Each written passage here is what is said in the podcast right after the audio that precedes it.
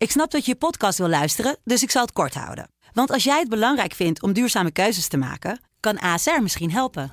Nou hoor ik je denken, hoe dan? Nou, bijvoorbeeld bij het duurzaam herstellen van schade. Of de premies die we beleggen volgens ons duurzaam beleggingsbeleid. Dat bepaalt waar we wel en juist niet in investeren. Wil je meer weten over welke duurzame keuzes ASR maakt? Ga dan naar asr.nl slash duurzame keuzes. ASR doet het. Zo, dan kan je nu lekker naar je podcast luisteren. Dit is een podcast van de Telegraaf. Het is wel zo dat een, een zetel niet meer of minder waard is op het moment dat die uh, van een partij is gekomen die de verkiezingen gewonnen dan wel verloren heeft. Dus uiteindelijk is er een verkiezingenuitslag. Daar zullen sommige mensen blij mee zijn, andere mensen uh, ja, verdrietig over zijn. Maar uiteindelijk is die, elke zetel evenveel waard. Afhameren met Wouter de Winter. Politiek commentator Wouter de Winter. Ja, veel te bespreken weer uh, vandaag op vrijdag rond 11 uur als we dit natuurlijk altijd opnemen. Ik begin dan met het knisperen van de krant. Want we hadden een, uh, ja, toch een stevige opening uh, van uh, Inge Lengton, ons parlementaire chef. Verzet tegen megacoalitie. CDA kopstukken rillen van vijf partijen plan Kaag. Zo.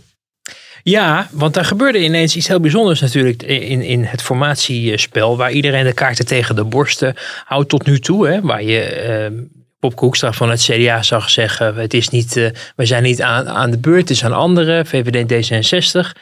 En waar je de Zeger zei van dat hij niet met Mark Rutte uh, wilde en nu ineens zei van nou ja, ja we zijn als achtste of zo of negen de partij straks uh, aan de beurt of in beeld als het zover komt. en Sigrid Kaag die zegt ik wil het, het, het zo'n progressief mogelijk kabinet die nu ook echt gewoon partijen ging ja. noemen. PvdA uh, en GroenLinks daarbij noemde. Een vijfpartijencoalitie dus, hè, van VVD, D66, CDA, PvdA en GroenLinks.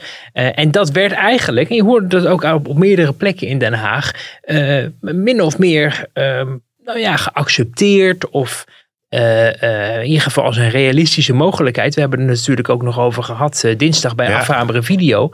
om, het, om, het, om zo een kabinet op te tuigen. En dan hoor je wel in een partij als het CDA uh, van ja, jullie kunnen nog wel meer willen, maar die kans is echt heel erg klein. Dat het CDA ja. zich gaat uitleveren aan, aan drie uh, progressieve partijen. Uh, terwijl ze zelf in een, in een uh, ja, positie zitten waar ze ook nog hun wonden aan het likken zijn. Ja, ik, ik, ik sla de krant even open, want ik vond een, een quote wel aardig.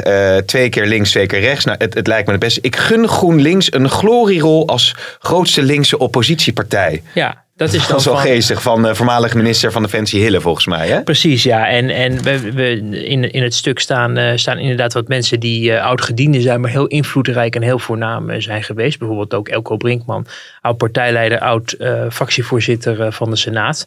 Uh, maar ook uh, uh, mensen die we natuurlijk achter de schermen hebben ges gesproken, waaronder ook een minister uit het kabinet, die ook zegt van er is ook nog een ander aspect. Vijf partijen, die heb je eigenlijk niet nodig. Je hebt er vier nodig voor een meerderheid. Als je er vijf neemt, dan is er eigenlijk eentje overbodig. En dat lijkt, leidt tot ruzie. En die mm -hmm. minister kan het natuurlijk uit ervaring zeggen, want die zit al nou, drieënhalf jaar in een, in een samenwerkingsverband met vier partijen. En die weten dus hoe het is en hoe moeilijk het is om over zaken uh, ja, afstemming te krijgen. Uh, en daar is natuurlijk ook veel kritiek op hè, met de coalitieoverleg, et cetera. Maar hoe ga je dat in vredesnaam regelen met vijf partijen? Ja. Waarbij één partij dus bijvoorbeeld GroenLinks ook niet altijd nodig is om een meerderheid te krijgen. Ja. En of, of de PvdA. En dan gaat zo'n partij misschien een uitzonderingspositie opeisen. Nou, dat, het idee samen uit, samen thuis, zei die minister, is, is wel echt uh, iets wat je niet moet onderschatten. Uh, Veel aspecten waar we op door kunnen gaan. Natuurlijk, uh, dit is natuurlijk ook een beetje een, een een, een, een, een uithaal naar GroenLinks. Want GroenLinks en PvdA hebben, hebben gewoon slechte verkiezingsuitslagen ja. neergezet. Ja.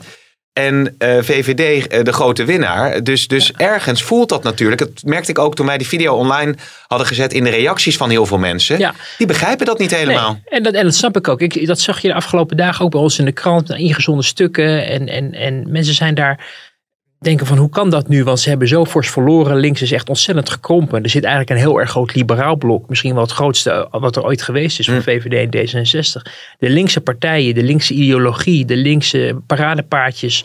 Uh, die, die zij in uh, nou ja, de verkiezingen hebben geprobeerd naar voren te brengen, hebben het Nederlandse, de Nederlandse kiezer niet aangesproken. Nee. alleen het is wel zo, ook al gaat er inderdaad een wat merkwaardig signaal van uit. Eh, het is wel zo dat een, een zetel niet meer of minder waard is op het moment dat die uh, van een partij is gekomen die de verkiezingen gewonnen dan wel verloren heeft. Ja. Uh, dat, dat, dat bestaat niet. Dus uiteindelijk is er een verkiezingsuitslag. Daar zullen sommige mensen blij mee zijn, andere mensen ja, verdrietig over zijn. Maar uiteindelijk is die, elke zetel evenveel waard.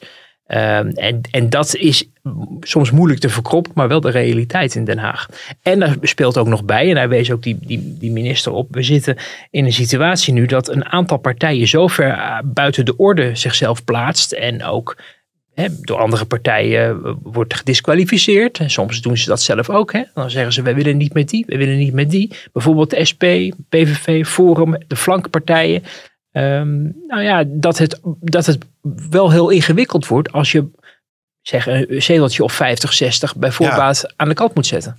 Maar ik vind het toch interessant, want um, Kaag die uh, zegt dus uh, duidelijk dat, dat ze met die vijf partijen verder wil. VVD is de grootste partij. CDA is ook heel belangrijk om erbij te hebben. Volgens mij heb je die gewoon nodig om een stabiele coalitie te vormen. Mhm. En die twee partijen die voelen er misschien helemaal niet voor om die afslag nee. over links te nemen. Dus dat kan natuurlijk nog een aardig steekspel gaan worden in de Zeker. komende tijd. En, en het hoort natuurlijk ook wel bij die formatiebesprekingen. Het is zo dat, dat Kaag nu haar kaarten op tafel legt en ja. zegt dit heeft mijn voorkeur. Nou, dat, dat, dat mag ook. Hè. Zij is ook een partij. Zij vertegenwoordigt haar kiezer, kiezers. En uh, uh, ja, dat het feit dat zij zegt wij willen zo progressief mogelijk kabinet en dat nu invult is op zich niet zo verbazingwekkend. Ik vind het wel goed ook dat ze dat op deze manier nou ja, al zo snel moet zei. ooit eens beginnen met, met invullen, want als we het aan Ja. Mariette Hamer overlaten, die gaat nog met een paar kinderen Ja, en artiesten praten eerst. Eh, terwijl de, de tijd wegtikt en mensen zich verwonderd afvragen hoe zit het eigenlijk met de zorg, hoe zit het eigenlijk met de, de, de problemen van bedrijven, wanneer gaat dit met die coronacrisis oplossen. Dus Jij stuurde daar nog volgens mij een tweetje over iets met TikTok of zo. De tijd. eh, TikTok. tik- TikTok. TikTok. Ex- Excuus, excuus. Ja, maar het, welk signaal geeft Ja, het nou ja. uit? Als je, als je twee Ja. maanden na de verkiezingen nog maar weer eens een rondje met allerlei mensen gaat, gaat hebben. Wat ook al gebeurd is natuurlijk bij Cenk Willink. En daar hebben we natuurlijk ook al eerder over gehad. En, en, en de onwenselijkheid daarvan, hè, dat, je, dat heb ik ook in, in, in een column eerder opgeschreven. Dat ehm, normaal in een formatieproces zitten de, de onderhandelaars aan tafel met elkaar en nodigen dan mensen uit. Bijvoorbeeld VNO-NCW of de werkgevers. Dan horen zij gezamenlijk wat de problemen en uitdagingen zijn en voelen zich daardoor ook mede verantwoordelijk. Nu is er een proces gaande waarin er mensen met elkaar praten die uiteindelijk niet gekozen zijn. Die ook niet straks gaan besturen, maar die wel met elkaar ongeveer aan, aan het bespreken zijn wat het volgende kabinet, Ja. onze volksvertegenwoordiging moet goed vinden en ons, ons, eh, de, de bestuurders in het kabinet moeten gaan doen. Dat is eigenlijk natuurlijk een hele rare situatie. Alleen is het wel zo dat de Kamer zelf in een aantal moties heeft aangegeven dat de stem van jongeren ook moet klinken in de formatie. Ja. En dan heeft Mariette Hamer gedacht, nou ja, als de Kamer dat wil, dan ga ik dus die mensen uitnodigen. Ja. Maar opschieten doet het niet. En Kaag die zegt nu in ieder geval, en dat is ook wel weer in, in bij veronderstelde coalitiepartijen ook wel enige kritiek op van ja, die steekt haar, haar, haar vinger in de lucht, kijkt waar de wind waait en, en gaat daarin mee. Namelijk nu is er een sentiment van eh, we moeten eh, snel formeren. Dus gaat zij nu zeggen er moet snel geformeerd worden. We hebben het eerder gezien Oh ja. eh, na, de- na de verkiezingsdag uitslag dat ze zei ja, we moeten maar snel van, die, van de beperkende coronamaatregelen af. Ja. Want, dat, want wij hebben de verkiezingen gewonnen. Maar ook gaan zij ook natuurlijk vooruit met de geit. Dus, dus, de, de, dus wel meer partijleiders hebben dat na het, het, het gesprek met Hamer benadrukt. Zeker, zeker. Maar, maar de, het, het hoort deze, dit, soort, dit soort eh, strapatsen horen een beetje bij, de, eh, bij het proces van formeren. Ik vraag me af hoe wenselijk en hoe houdbaar dit blijft. Hoor. Want je kan niet en na elke verkiezingen dat, deze rituele dans. Dan gaan, Nee. Ik bedoel, met alle respect, maar de, de, de, de, de, de voorzitters van, de, eh, van de werkgevers en de werknemersverenigingen, de, de belangengroepen, de, de lobbygroepen, eh, die allemaal nu hun zegje mogen komen Ja. doen, die doen dat natuurlijk al maanden, al voor de verkiezingen, al richting die politieke partijen in de aanloop naar het samenstellen van de verkiezingsprogramma's en de afgelopen tijd natuurlijk in de coronacrisis. Dus het idee dat die mensen nooit gehoord worden of gesproken worden, is, eh, dat is natuurlijk niet waar. Nee. Alleen, dit zijn rituele dansen die nu gedaan worden. En eh, nou ja, waarvan je merkt dat op een gegeven moment ehm, dus Kaag nu met een aantal um, partijen uh, de kaart op tafel legt. GroenLinks en de PvdA elkaar vasthouden. En daarom, en ja. ze willen natuurlijk het liefste bij D66 ook maar één in de plaats van twee. Maar ja, die twee partijen uh, houden elkaar vast. En dan krijg je wel de situatie dat je je af mag vragen. Hoezo wordt het nieuwe landsbestuur en de, de, de, en de, en de samenstelling daarvan bepaald door twee partijen die zo fors verloren hebben. Die maar hebben gezegd wij houden elkaar vast. Terwijl andere partijen die het een stuk beter gedaan hebben, ja. uh, daar dan niks meer over mogen vinden. Hey, en dat vastklampen aan elkaar, hè? Um, dat er is natuurlijk in het verleden heel vaak over gegaan, over die linkspartijen die elkaars hand vasthouden, misschien ook wel moeten samengaan. Maar als jij uh, je oor te luisteren legt bij, bij de PvdA en GroenLinks, wie, wie, wie willen er nou echt heel graag vasthouden? En wie zijn eigenlijk ook wel zover dat ze denken van nou, als het puntje bij paaltje komt, kan ik het ook wel zonder? Um, ik, ik, ik merk dat er, en ik vermoed ook, uh, gewoon gezien de manier waarop GroenLinks zich heeft opgesteld de afgelopen jaren, dat uiteindelijk als GroenLinks de kans krijgt om het kabinet in te gaan en het, en het moet zonder de PvdA, dus ja zeggen. Omdat het leiderschap van, uh, van uh, Klaver hangt ervan af. Die hebben gezien dat in de oppositie niet altijd goed uitpakt. Um, bovendien kan ik nog een ronde mee in de oppositie, denk ik. Heb ik ook, hebben we het natuurlijk ook al eerder over gehad. Er is ook vanuit GroenLinks zelf, hè, die Rutte Groot-Wassink, die heeft gezegd van we moeten naar de, ja. naar macht. Dus of het nou met of zonder de PvdA gaat, als het maar in het kabinet komen. Uh, de PvdA is erg geschrokken van de vorige keer regeringsverantwoordelijkheid. Dat is gewoon een permanent trauma. En vooral bij Ploemen, die heeft min of meer uh, die uitspraak van Ascher nog tijdens de presentatie van het PvdA-verkiezingsprogramma geadopteerd. Namelijk wij, wij doen, gaan niet in een kabinet zitten zonder GroenLinks. Dat was een, een vraag van een journalist van de NOS die zei van goh, kan dat of niet? En uh, daar is Ascher toen in meegegaan. Intern wel kritiek ook op te horen overigens. Want mensen vonden dat, waarom zou je jezelf nu al uitleveren? Er zijn nog geen verkiezingen geweest. Ja. Er zijn nog, uh, maar goed, dat heeft Ploemen geadopteerd. en, en ja, als je je oor te luisteren legt, dan vinden ook mensen die niet in het de Kamerfractie zitten het heel belangrijk dat men elkaar vasthoudt. Omdat men echt gelooft dat het anders, uh, uh, dat men weer vermorseld wordt. Um, er zijn ook wel mensen, en dat is vooral de wat oudere generatie, de wat ervarene generatie, ex-bewindspersonen, maar ook, ook wel in de fractie her en der mensen die wat langer al meedraaien, die, die ook wel waarschuwen van uh, pas wel op dat je, uh, als je een van de 18 fracties bent in de Tweede ja. Kamer. En er ja. zitten er straks vier in dit, uh, met regeringsverantwoordelijkheid. Dan ben jij dus een van de 14. zie je dan nog maar eens te onderscheiden. Ja. dus ik, ik, ik proef wel vooral bij de wat ervarener mensen wel behoefte van we moeten wel echt, we hebben het trouwens ook vorige week over gehad, we moeten wel echt kijken of we in het kabinet mm. kunnen komen. Um, en er is vooral, vooral is het nu hoop vanuit de andere partijen, D66, VVD en ook wel CDA, uh, dat ze een wicht kunnen drijven. Dat op een gegeven moment een van die twee partijen zegt, okay. wij doen het uh, wel zonder de ander. Ja, ja. ja, Wouter, dan is er ook nog laatste nieuws binnengekomen volgens mij. Hè? Over uh, Kaag en Rutte die opnieuw naar Hamer gaan. Hoe zit dat? Ja, die gaan, als, omdat zij de motie hebben ingediend die Hamer min of meer aan het werk heeft gezet, worden zij nu uitgenodigd door de informateur om te praten over het vervolg van het informatieproces. Ah, kijk. dus te gaan, nou, ik bedoel hè, thank God. Wanneer, wanneer alle gaat kinderen dat plaatsvinden? Weet was ook al? nog tijd voor de, voor de politici dus blijkt. Ja, weet jij al wanneer dat is? Of, uh... Vier uur uh, vanmiddag, maar als mensen dit horen dan is het dat dus al ja, geweest. dat maar... kunnen ze uiteraard op de site van de Telegraaf ja. volgen. En we gaan er ook dinsdag uh, in Alfameren weer over doorpraten. De video edition. Nog één punt, want er komt net ook nog nieuws binnen over Forum voor Democratie. Dat de gedeputeerden daar zijn opgestapt per ja. direct. Um, daar gaan we uitgebreid over praten, over de provincie Noord-Brabant en ook de gevolgen die dat weer kan hebben voor de landelijke politiek. Maar we hebben nu uh, tot slot hierover die uh, opening over het verzet binnen het CDA. En ik vraag me toch een beetje af, hoe zit dat, hoe zit dat nou binnen de VVD? Want Rutte is natuurlijk toch enigszins beschadigd geraakt de afgelopen tijd door die verkennersgate met Olongren. Deze kritiek, uh, of die zorgen, zouden natuurlijk ook even goed vanuit de VVD kunnen zo komen. Zo is dat, jazeker. Je zou dat heel goed je kunnen voorstellen. Dat, uh, en dat is natuurlijk ook zo. In de, in de hardcore VVD-achterban, die natuurlijk al veel stokpaardjes en heilige huisjes gesneuveld he, heeft zien raken de afgelopen jaren onder Rutte. die, die zien het natuurlijk ook wel aankomen. Alleen de eerlijkheid gebiedt wel te zeggen dat de VVD zo ver naar het midden is opgeschoven dat, dat het, het, het regeren en het behouden van het torentje en het behouden van de, de voorname eerste ja. plek uh, een beetje een doel op zich uh, is geworden. Omdat maar allerlei, ten koste van wat dan hè? Nou ja, allerlei, allerlei paradepaardjes van vroeger over de hypotheekrente ja. aftrekken, dat soort zaken, uh, allemaal opgegeven zijn. En ehm, ehm, de, de modus van de VVD is nu dus vooral ook er het zwijgen toe doen. Ehm, Rutte die is dan de, de woordvoerder daarnaar. En ehm, er is ook wel een afweging, en dat moet je ze dan ook wel weer meegeven, dat eh, het feit dat men er niet over praat publiekelijk, betekent niet dat men staat te klappen bij het idee van PvdA en GroenLinks. Dus ja, tuurlijk hebben we daar de afgelopen dagen ook naar gevraagd van wat, wat zijn jullie nu van plan? Ja. Bedoel, dat, dat is, wordt een, een, een links van het middenkabinet, terwijl rechts de verkiezingen gewonnen heeft. Jullie de grootste partij zijn.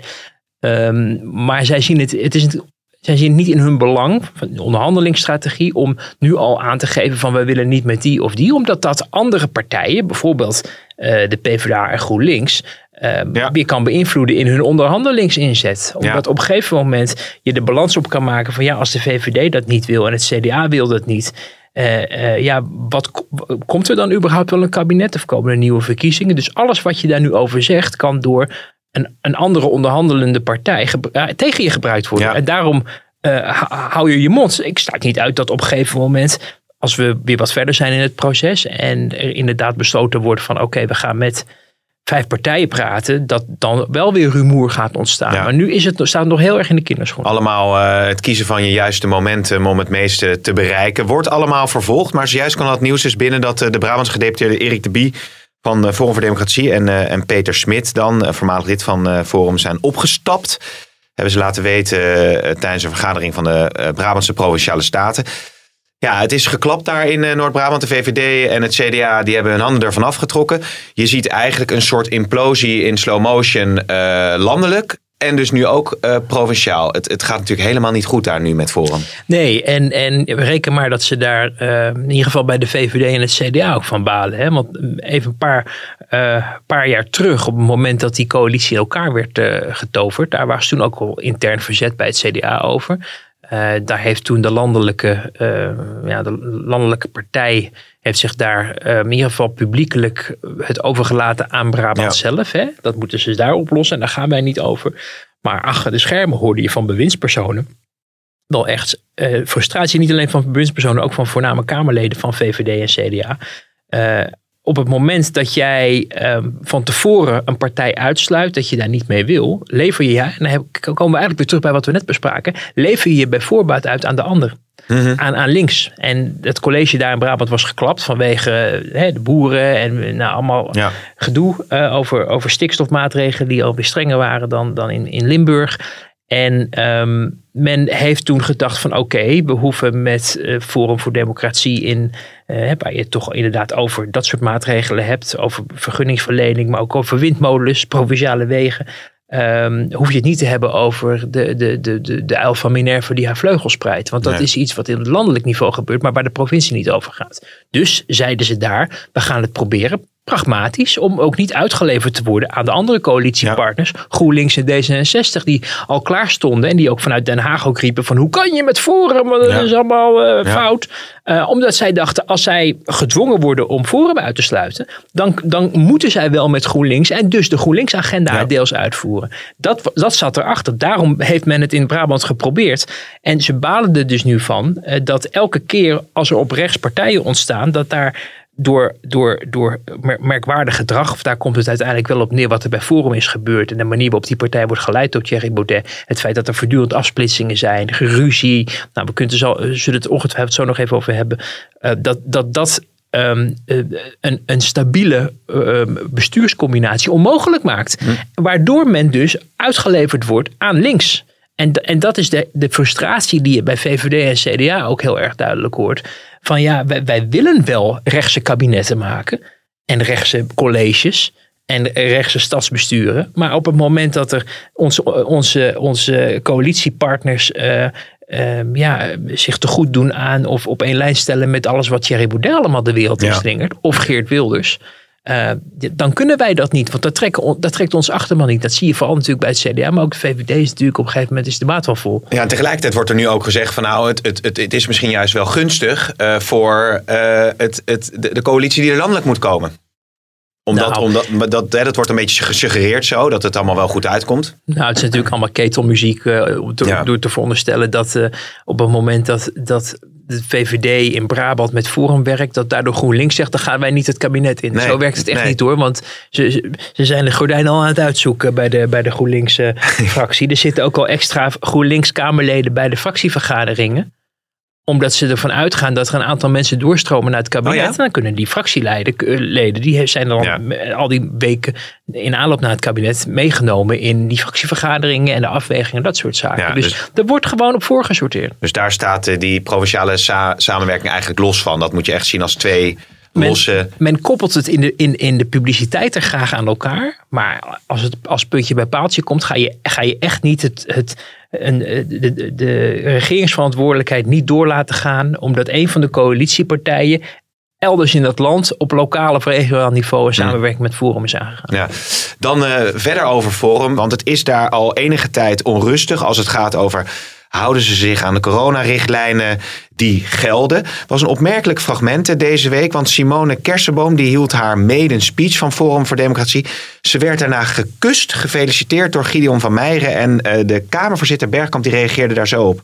Uh, tijdens de schorsing, zojuist in de plenaire zaal, zijn de felicitaties gegeven aan mevrouw Kersenboom door haar fractiegenoten.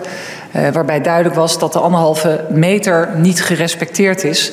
En dat betreur ik zeer. Het kan niet anders dan dat mij dat ertoe brengt dat op een moment dat er felicitaties zijn in de plenaire zaal, dat ik van tevoren de zekerheid moet hebben van de fractie dat de anderhalve meter wordt gerespecteerd. En als ik die niet heb, dat ik dan helaas de felicitaties in de plenaire zaal van die fractie niet zal toestaan. Ja, Wouter, je had, uh, vorige week had je die schouderklop, uh, dat tikje op de schouder van Jan Paternotte door Baudet. Nu weer dit. Uh, hoe, hoe kijken ze ernaar in de Tweede Kamer? Ja, en, en toch met zorg hoor, want uh, de berichten die, die zijn uh, talrijk over wat daar uh, achter de schermen heeft plaatsgevonden. Mensen die besmet waren of dachten besmet te zijn. Of uh, Baudet had een, had, een, uh, had een paar dagen last, maar heeft nooit zich getest. Dus dan weet je ook niet wat dat is. En we hoorden wel dat meerdere mensen in de, in de fractie, dat hoeft dan niet per se, hoeven niet Kamerleden te zijn, kunnen ook medewerkers zijn, maar dat die uh, wel echt besmet waren.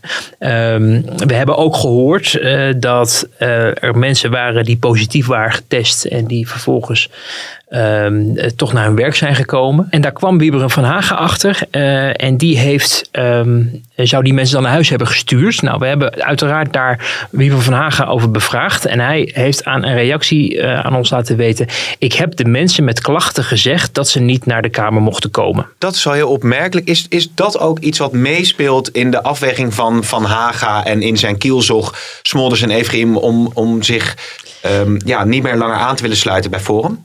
Dat, dat, dat verhaal wordt wel herkend in de Tweede Kamer. Er zijn mensen die, die daar uh, met mensen van uh, uh, de, de oude Forumfractie, zullen we maar even zeggen, over gesproken hebben. En die wel zeggen dat op een gegeven moment een beetje een indruk ontstond dat um, forumers uh, de opvatting van hun partijleider hebben, uh, zoals een van de mensen die ik sprak daarover zei, geïnternaliseerd. Namelijk het idee dat het coronavirus uh, niet gevaarlijker is dan het griepvirus. Allemaal niet zoveel uitmaakt. En uh, gewoon even twee dagen op bed en je bent er weer vanaf.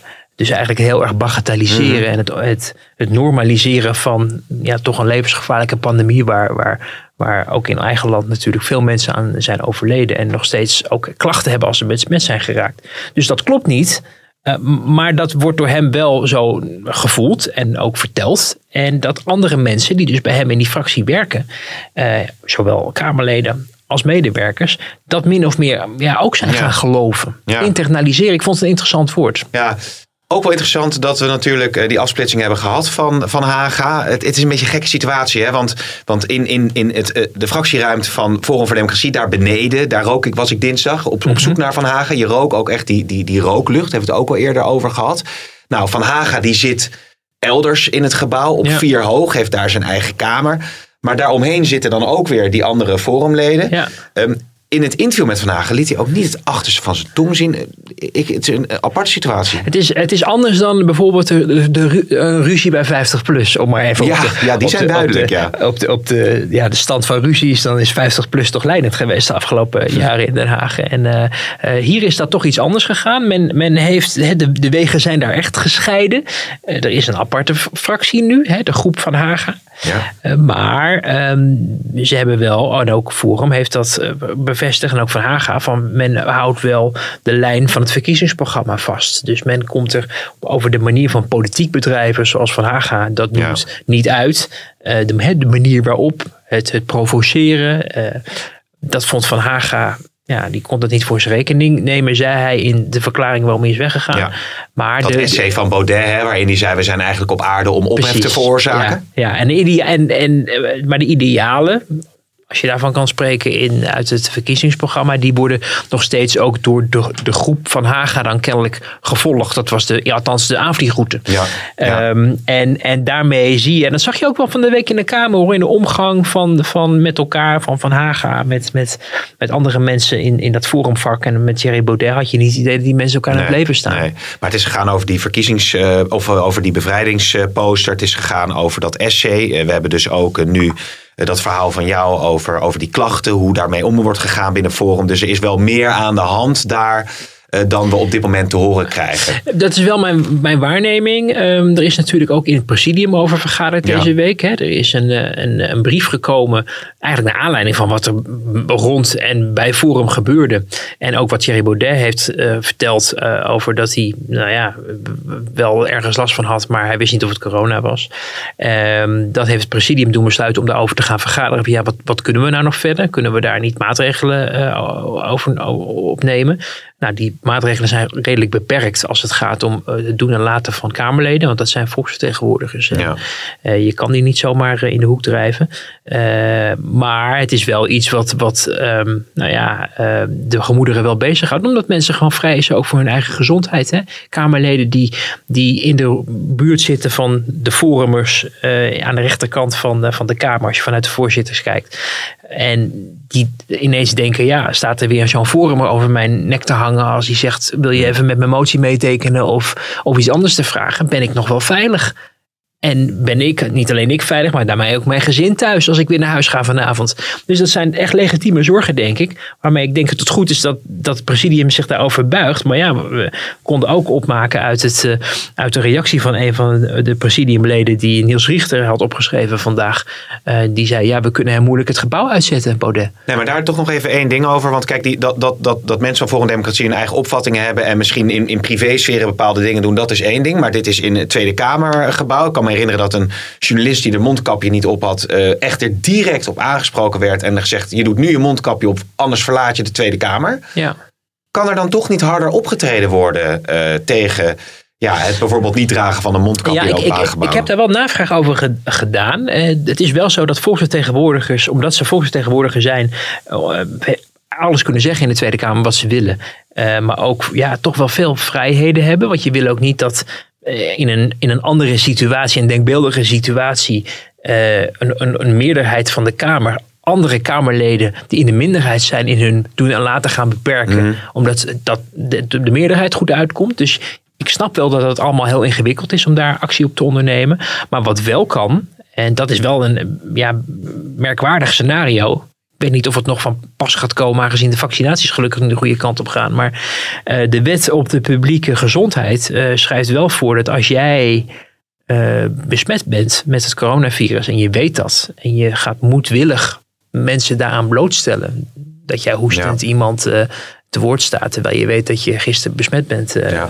getest, dat dat aanleiding kan geven voor de burgemeester om je in quarantaine te plaatsen. Ja. Dus dan zou de burgemeester van Amsterdam, mevrouw Halsema, haar inwoner, dat wordt best Dat ingewikkeld. is al een leuke, leuke rel wordt dat, hè? Ja, daar, maar- daar, zit- daar zijn wij bij, bij als eh, Telegraaf, denk ik. Nee, maar dat geeft wel aan. Maar voor, ja, voordat het zover eh, komt, dan, dan, eh, dan zijn we nog wel wat verder. Maar dat geeft wel aan hoe, hoe ingewikkeld het is. Ja, en en de, de vraag is, als je überhaupt niet laat testen, weet je ook niet dat je corona hebt. Dus dat is dan ook nog een ingewikkeld ja. punt. Ja, de, wellicht volgende week hier ook uh, nog, uh, nog meer over. Ben je wel eens op het uh, ministerie ja, natuurlijk van Buitenlandse Zaken geweest trouwens? Ja. Heb je er wel eens thee besteld? Ik ben, nou, ik ben op het, het ministerie van Buitenlandse Zaken deelt het gebouw met het ministerie van Infrastructuur ja. en Waterstaat. En daar ben ik geweest. Maar het is één gebouw dus. Um, en ja... Uh, we hebben er al vaak over geschreven. 75.000 euro om de thee aan te passen. Ik heb dat vier keer gelezen. Ik, ik hou echt. Nou ja, we hebben er al eerder over geschreven. We hadden bijvoorbeeld een mooi verhaal van Alexander Bakker over het handdoekjes leggen. Dat het, ja, men had namelijk bedacht dat ambtenaren op flexplekken moesten gaan werken. En dan gingen ze naar hun werk en dan waren er geen bureaus. En dan ging je dus kennelijk, wat je dus in bepaalde vakantielanden waar je, nou, in ieder geval ik nooit naartoe ga, maar jij misschien wel. nee, alleen naar de boerencamping. Dat je, dat je ja, nou, potato, potato. maar dat je bij het zwembad een handdoekje neerlegt aan het begin van de ochtend. Zodat als het Lekker ja, warm is. de avond van tevoren al. Ja, en een bedje hebt um, om op te liggen. Want anders is het al, al vergeven. Uh, en dat gebeurde dus ook in de Amsterdamrij. Dat mensen alvast hun een, een flexplek gingen afbakenen. met, met, met een, ja, ik weet niet, een kopje koffie en ja. paparazzen. Ja. in de hoop dat nie, niemand anders dat ging inpikken. Dus dat nieuwe gebouw, uh, nou, niet, niet, niet heel fraai. En uh, nou, die rekenkamer die kwam daar dus ook achter bij bij, bij haar lange onderzoek naar alle begrotingen en, en de, ja, de handel en wandel van de Rijksoverheid. Over hoe, hoe daar uh, bijvoorbeeld omgegaan werd met, met ja, niet functionerende gebouwen. En dan kwam je bij het ministerie van Buitenlandse Zaken, wat zelfs nog helemaal niet alleen theezakjes betrof. Hè, 75 miljard, het is een astronomisch bedrag voor iets heel geks. maar ook dat als er hoogwaardigheidsbekleders langskwamen. Ja niet al langs de afvalbak moesten in de garage. Dat kan toch niet? Ja. ja, en dat zijn wel van die dingen dat je denkt, ja, dat, dat, dat kan ook eigenlijk. Gebouw is drie jaar oud volgens mij, hè? toch? Hm? Gebouw is drie jaar oud volgens mij, toch? Ja, ja, ja. En uh, ja, dus, dus ja, heel verdrietig. En, en, en, dat zijn wel van die zaken dat je denkt, uh, ja, hoe is het mogelijk? Ja, zo komen we bij de, de rekenkamer uh, uit, uh, als we het over de financiën hebben. Laten we even luisteren naar een reactie van uh, Hugo de Jonge, minister van Volksgezondheid natuurlijk. over ja, de vele miljarden die worden uitgegeven zonder dat er goede verantwoording voor is afgelegd. Punt is wel, als we het niet geleverd hadden gekregen, hadden we er natuurlijk niet voor betaald. En als we het niet geleverd hadden gekregen, hadden we waarschijnlijk degene die erop zaten te wachten wel aan de lijn gekregen met: hé hey joh, je had iets besteld voor ons, maar we hebben het niet geleverd gekregen. Kortom, ik ben er wel gerust op dat die uitgaven op een goede manier zijn gedaan. Maar ik weet zeker uh, dat inderdaad de rechtmatigheidsvereiste niet aan alle opzichten is voldaan. Er wordt gezegd in de reactie hierop van... Ja, we zaten in een crisis, dus uh, het is ook logisch dat je niet elke uitgave goed uh, kunt verantwoorden. Ja. Snap je dat? Ben je het daarmee eens? ja, ik wel eigenlijk. Ja. En ik denk dat ik niet de enige ben. Um, je kan het, het, kabinet van allerlei verwijten maken over dingen die zijn misgegaan. En uh, je hebt het over belastinggeld. En je, je, je, je, wil dat dat goed besteed wordt. Maar als je even die 5 miljard er even bij pakt. 5,1 miljard. Ja, als je die er even bij pakt. Um, 2 miljard daarvan, van die 5, ging over de zorgbonus. Weet je nog hoe, hoe, hoe ze ongeveer met, met met brandende fakkels en hooivorken in de Tweede Kamer hebben staan eisen dat er een zorgbonus moest komen. En onmiddellijk. En aan iedereen. En een heleboel geld graag. En niet een paar tientjes. En dan moet dus een overheid besluiten: oké, dat begrijpen wij. Wij vinden dat mensen in de zorg dat nodig hebben. Maar hoe gaan we dat definiëren? Want de mensen die op de IC-afdeling werken, dat, dat staat buiten kijf.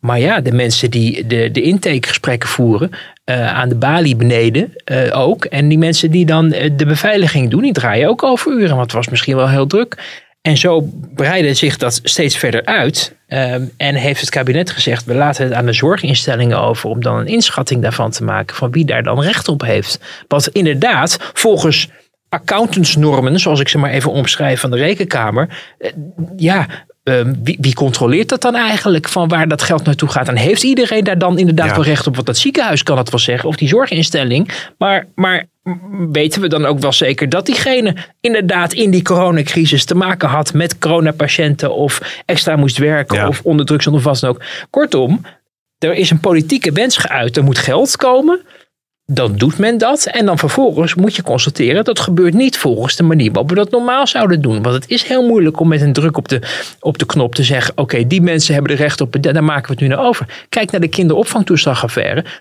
iets waar, waar de Rekenkamer ook kritiek op uit. Hè. Het wordt 30 mil uitgekeerd en beloofd aan gedupeerden. Maar wie zijn dan die gedupeerden dan? Hè? Dat zijn mensen, we hebben de, de verschrikkelijke voorbeelden hebben we gezien op televisie. Dat je denkt, nou die mensen kunnen het eerder gisteren dan vandaag krijgen, dat geld, wat mij betreft. Alleen die groep is dusdanig omvangrijk dat je je ook wel moet afvragen. En dat heeft Pieter Omtzigt zich trouwens ook afgevraagd destijds. Want daar hebben wij hem toen nog over gesproken.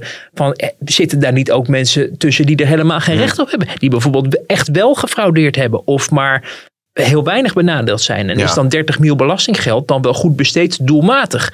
En die hele optelsom van zaken, en dan hebben we het nog niet eens over de mondkapjes gehad, hè, waar iedereen Nee. van stond te roepen, die moeten komen, want we hebben ze niet. Dus de hele discussie met Siewert van Linden ook nog, die Ja. speelde deze week. Ja, en, en, en dus dan kan je zeggen, als je dan volgens de normen van het, de rekenkamer ernaar kijkt, die dezelfde normen hanteren als ze bij de voorgaande jaren ook Ja. hebben gedaan, dat snap je dan Ja. ook wel. Dat zegt Arno Visser ook, van wij kunnen nu niet ineens doen alsof er andere normen gelden. De normen zijn nog steeds hetzelfde en daar, daar maken we de balans over op. En dan kom je inderdaad op, op een, een fors bedrag wat je niet volgens de regels hebt uitgegeven. Is het dan niet goed besteed? Is het verpist? Is het uit het raam gegooid? Ik zag vandaag een cartoon in de Volkskrant met allemaal briefjes van eh, geldbriefjes die uit het ministerie werden ge- eh, gegooid. Eh, dat weet je niet. Nee, maar Want het is misschien wel een hellend vlak op het moment dat je zegt van ja, met, met de reden we zaten nou eenmaal in een crisis of de Kamer heeft er nu eenmaal om gevraagd. Dus daarom is de boekhouding niet op orde, zeg maar even simpel gezegd. Ja, dan, dan kun je natuurlijk ook, dan heb je overal wel weer een verantwoording voor. Snap je? Nou, het natuurlijk- gebouw is gewoon slecht, het ministerie van Buitenlandse Zaken. Weet je, je kunt- Zeker, zeker. En, en, en, en, en dat denk ik dat de, re- de rekenkamer dat terecht aangeeft. Ehm, er, er zat bij de bedrijfsvoering bij VWS, er was al een heleboel mis. Ja, en dan kan je steeds met labmiddelen kan je daar pleisters op plakken. Ik heb het van de week in, in die analyse heb ik het genoemd van eh, een, een, een lekkend dak. was een Je mooie. doet er wat pleisters op en dan denk je het gaat goed tot de orkaan komt, die crisis, en dan is het dak ineens weg. En dan, heb je, dan sta je als, als keizer zonder kleren. En, en dat is iets waar natuurlijk de politiek en het, de komende kabinet natuurlijk heel goed zal naar moeten kijken. Van hoe kon het dat wij als, als, als, als land zo zijn overvallen door, eh, door zo'n extern gevaar wat overkwam waaien uit, uit China en met dat virus. En hoe kunnen we dat in de toekomst een soort infrastructuur optuigen? Dat we voldoende IC-bedden hebben, dat we voldoende personeel hebben, dat die mensen op de IC kan eh, opvangen, dat ze op voldoende hulpmiddelen hebben. Moeten we dat niet voortaan ook in Nederland gaan, eh, gaan maken? Dat je dat soort dingen allemaal tot je dienst. Eh, alleen het is te makkelijk om te zeggen, vind ik, eh, schande, Ja. eh, deugt niet, weg ermee. Want zo, zo ga er maar aan staan als, als, als 150 Kamerleden bij je staan te eisen. Kom op met die zorgbonus. Ja. Ja, en als er dan één ja. iemand het niet heeft gehad en die verschijnt dan in het nieuws en die schande. gaat dan huilen en dan zegt de SP het moet toch komen. Ja. ja, zo gaat dat. En dat, dat zo, ja, en dat dan, kijk, het is natuurlijk niet de bedoeling dat we die, over dit jaar en het volgende jaar dit soort patronen houden. nee, met, die, met die zoveel nee. miljarden. De, de, tijd moet, eh, de zaak moet op een gegeven moment weer in het gelid en op orde komen. Alleen het is te makkelijk, vind ik, om te roepen, ja, eh, ze hebben er allemaal een potje van gemaakt. Want dan moet je echt even teruggaan in de tijd en kijken wat toen ook de politieke en maatschappelijke wensen waren over wat er moest gebeuren. En eh naar die mondkapjes. Hadden we, mocht allemaal niet, want dat hadden we nodig in de ziekenhuizen. En dat mochten we vooral niet zelf gaan kopen en dan gaan dragen. Want Ja. Weet je, die, die sfeer hè, van toen. Ja, stond nog heel erg ophef over de eerste mondkapjes pop-up store in Amsterdam. Ja. Weet ik nog. Dat ja, was en we doen het net alsof we dat niet meer weten. Maar dat was natuurlijk wel destijds gaande. En daar moest ook een overheid op acteren. Ja, ehm, dan nog maar even het, eh, het eh, Israël-Palestijnse conflict er kort eh, bij pakken. Want wat, dat wil ik toch even met je bespreken. Want het viel mij op dat eh, Kamerleden zich daar enorm stevig op eh, profileren. Luister maar even naar Jasper van Dijk en Sylvana Simons. Je zou Israël, het leger van Israël, kunnen vergelijken met Robocop. En je zou de Palestijnen kunnen vergelijken met Pietje Bel. En Pietje Bel die loopt misschien te klieren af en toe. Maar eh, eh, hij ligt wel bloedend op de grond op dit moment. Verzoekt de regering een boycott in te stellen voor Israëlische producten en producten uit nederzettingen. Verzoekt de regering in Europa te pleiten voor een overname van deze boycott door andere Europese landen en gaat over tot de orde van de dag. Eh, Sylvana Simons die wil een boycott van eh, Israëlische producten. En Jasper van Dijk die eh, vergelijkt het gedrag van eh, Hamas met Pietje Bel. Ehm, ik, ik, ik, ik vind dat toch ja, wat ongemakkelijk om daar naar te luisteren op de een of andere manier. Ja, um, ik eh, vind het uh, elke keer een beetje koddig als je hoort hoe eens in zoveel tijd eh, Tweede Kamerleden denken dat ze het Israëlisch-Palestijns conflict kunnen oplossen. Er werd ook van alles gevraagd van, van Rutte om zich daar op Europees niveau sterk over te maken. alsof men in Israël of de Palestijnse gebieden zich een en malle moer aantrekt van wat het Nederlandse parlement of Sylvana Simons of Jasper van Dijk of wie dan ook namens uh, zijn fractie in Nederland het woord voert. Ik denk dat dat, uh, dat, dat echt zelfoverschatting is. Ehm, maar dat, de gemoederen lopen er ook binnenlands hoog over op. Ik vind het altijd onverstandig, hè, want je moet conflicten van anderen niet naar Nederland importeren. Dat, dat loopt nooit goed af. We hebben volgens mij genoeg aan onze eigen conflicten. Ehm, maar ja, die Kamer zijn wel de volksvertegenwoordigers en die proberen voor hun achterban ook dat geluid te laten horen. Uh, en dat er dan wordt opgeroepen op een boycott, dat is volgens mij niet nieuw. Dat, is, dat heb je de afgelopen jaren wel vaker uh, gehoord.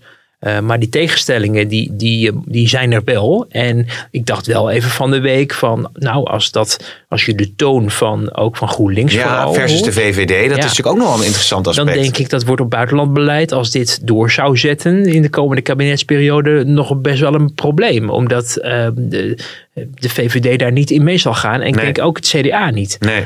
Uh, dus dat, dat wordt lastig. Alleen, ja, het is nu gelukkig een staakt het vuren. Uh, we hebben bestand afgesproken. Laten we hopen dat het daardoor weer kalmeert. Maar als dit vier jaar lang oorlog zou zijn daar, dan, dan zou je ook op een terrein waar je normaal in Nederland in een kabinet elkaar niet echt de tent over uitvecht, zou dit wel een mogelijke splijtswang kunnen zijn. Ja, ja. ja.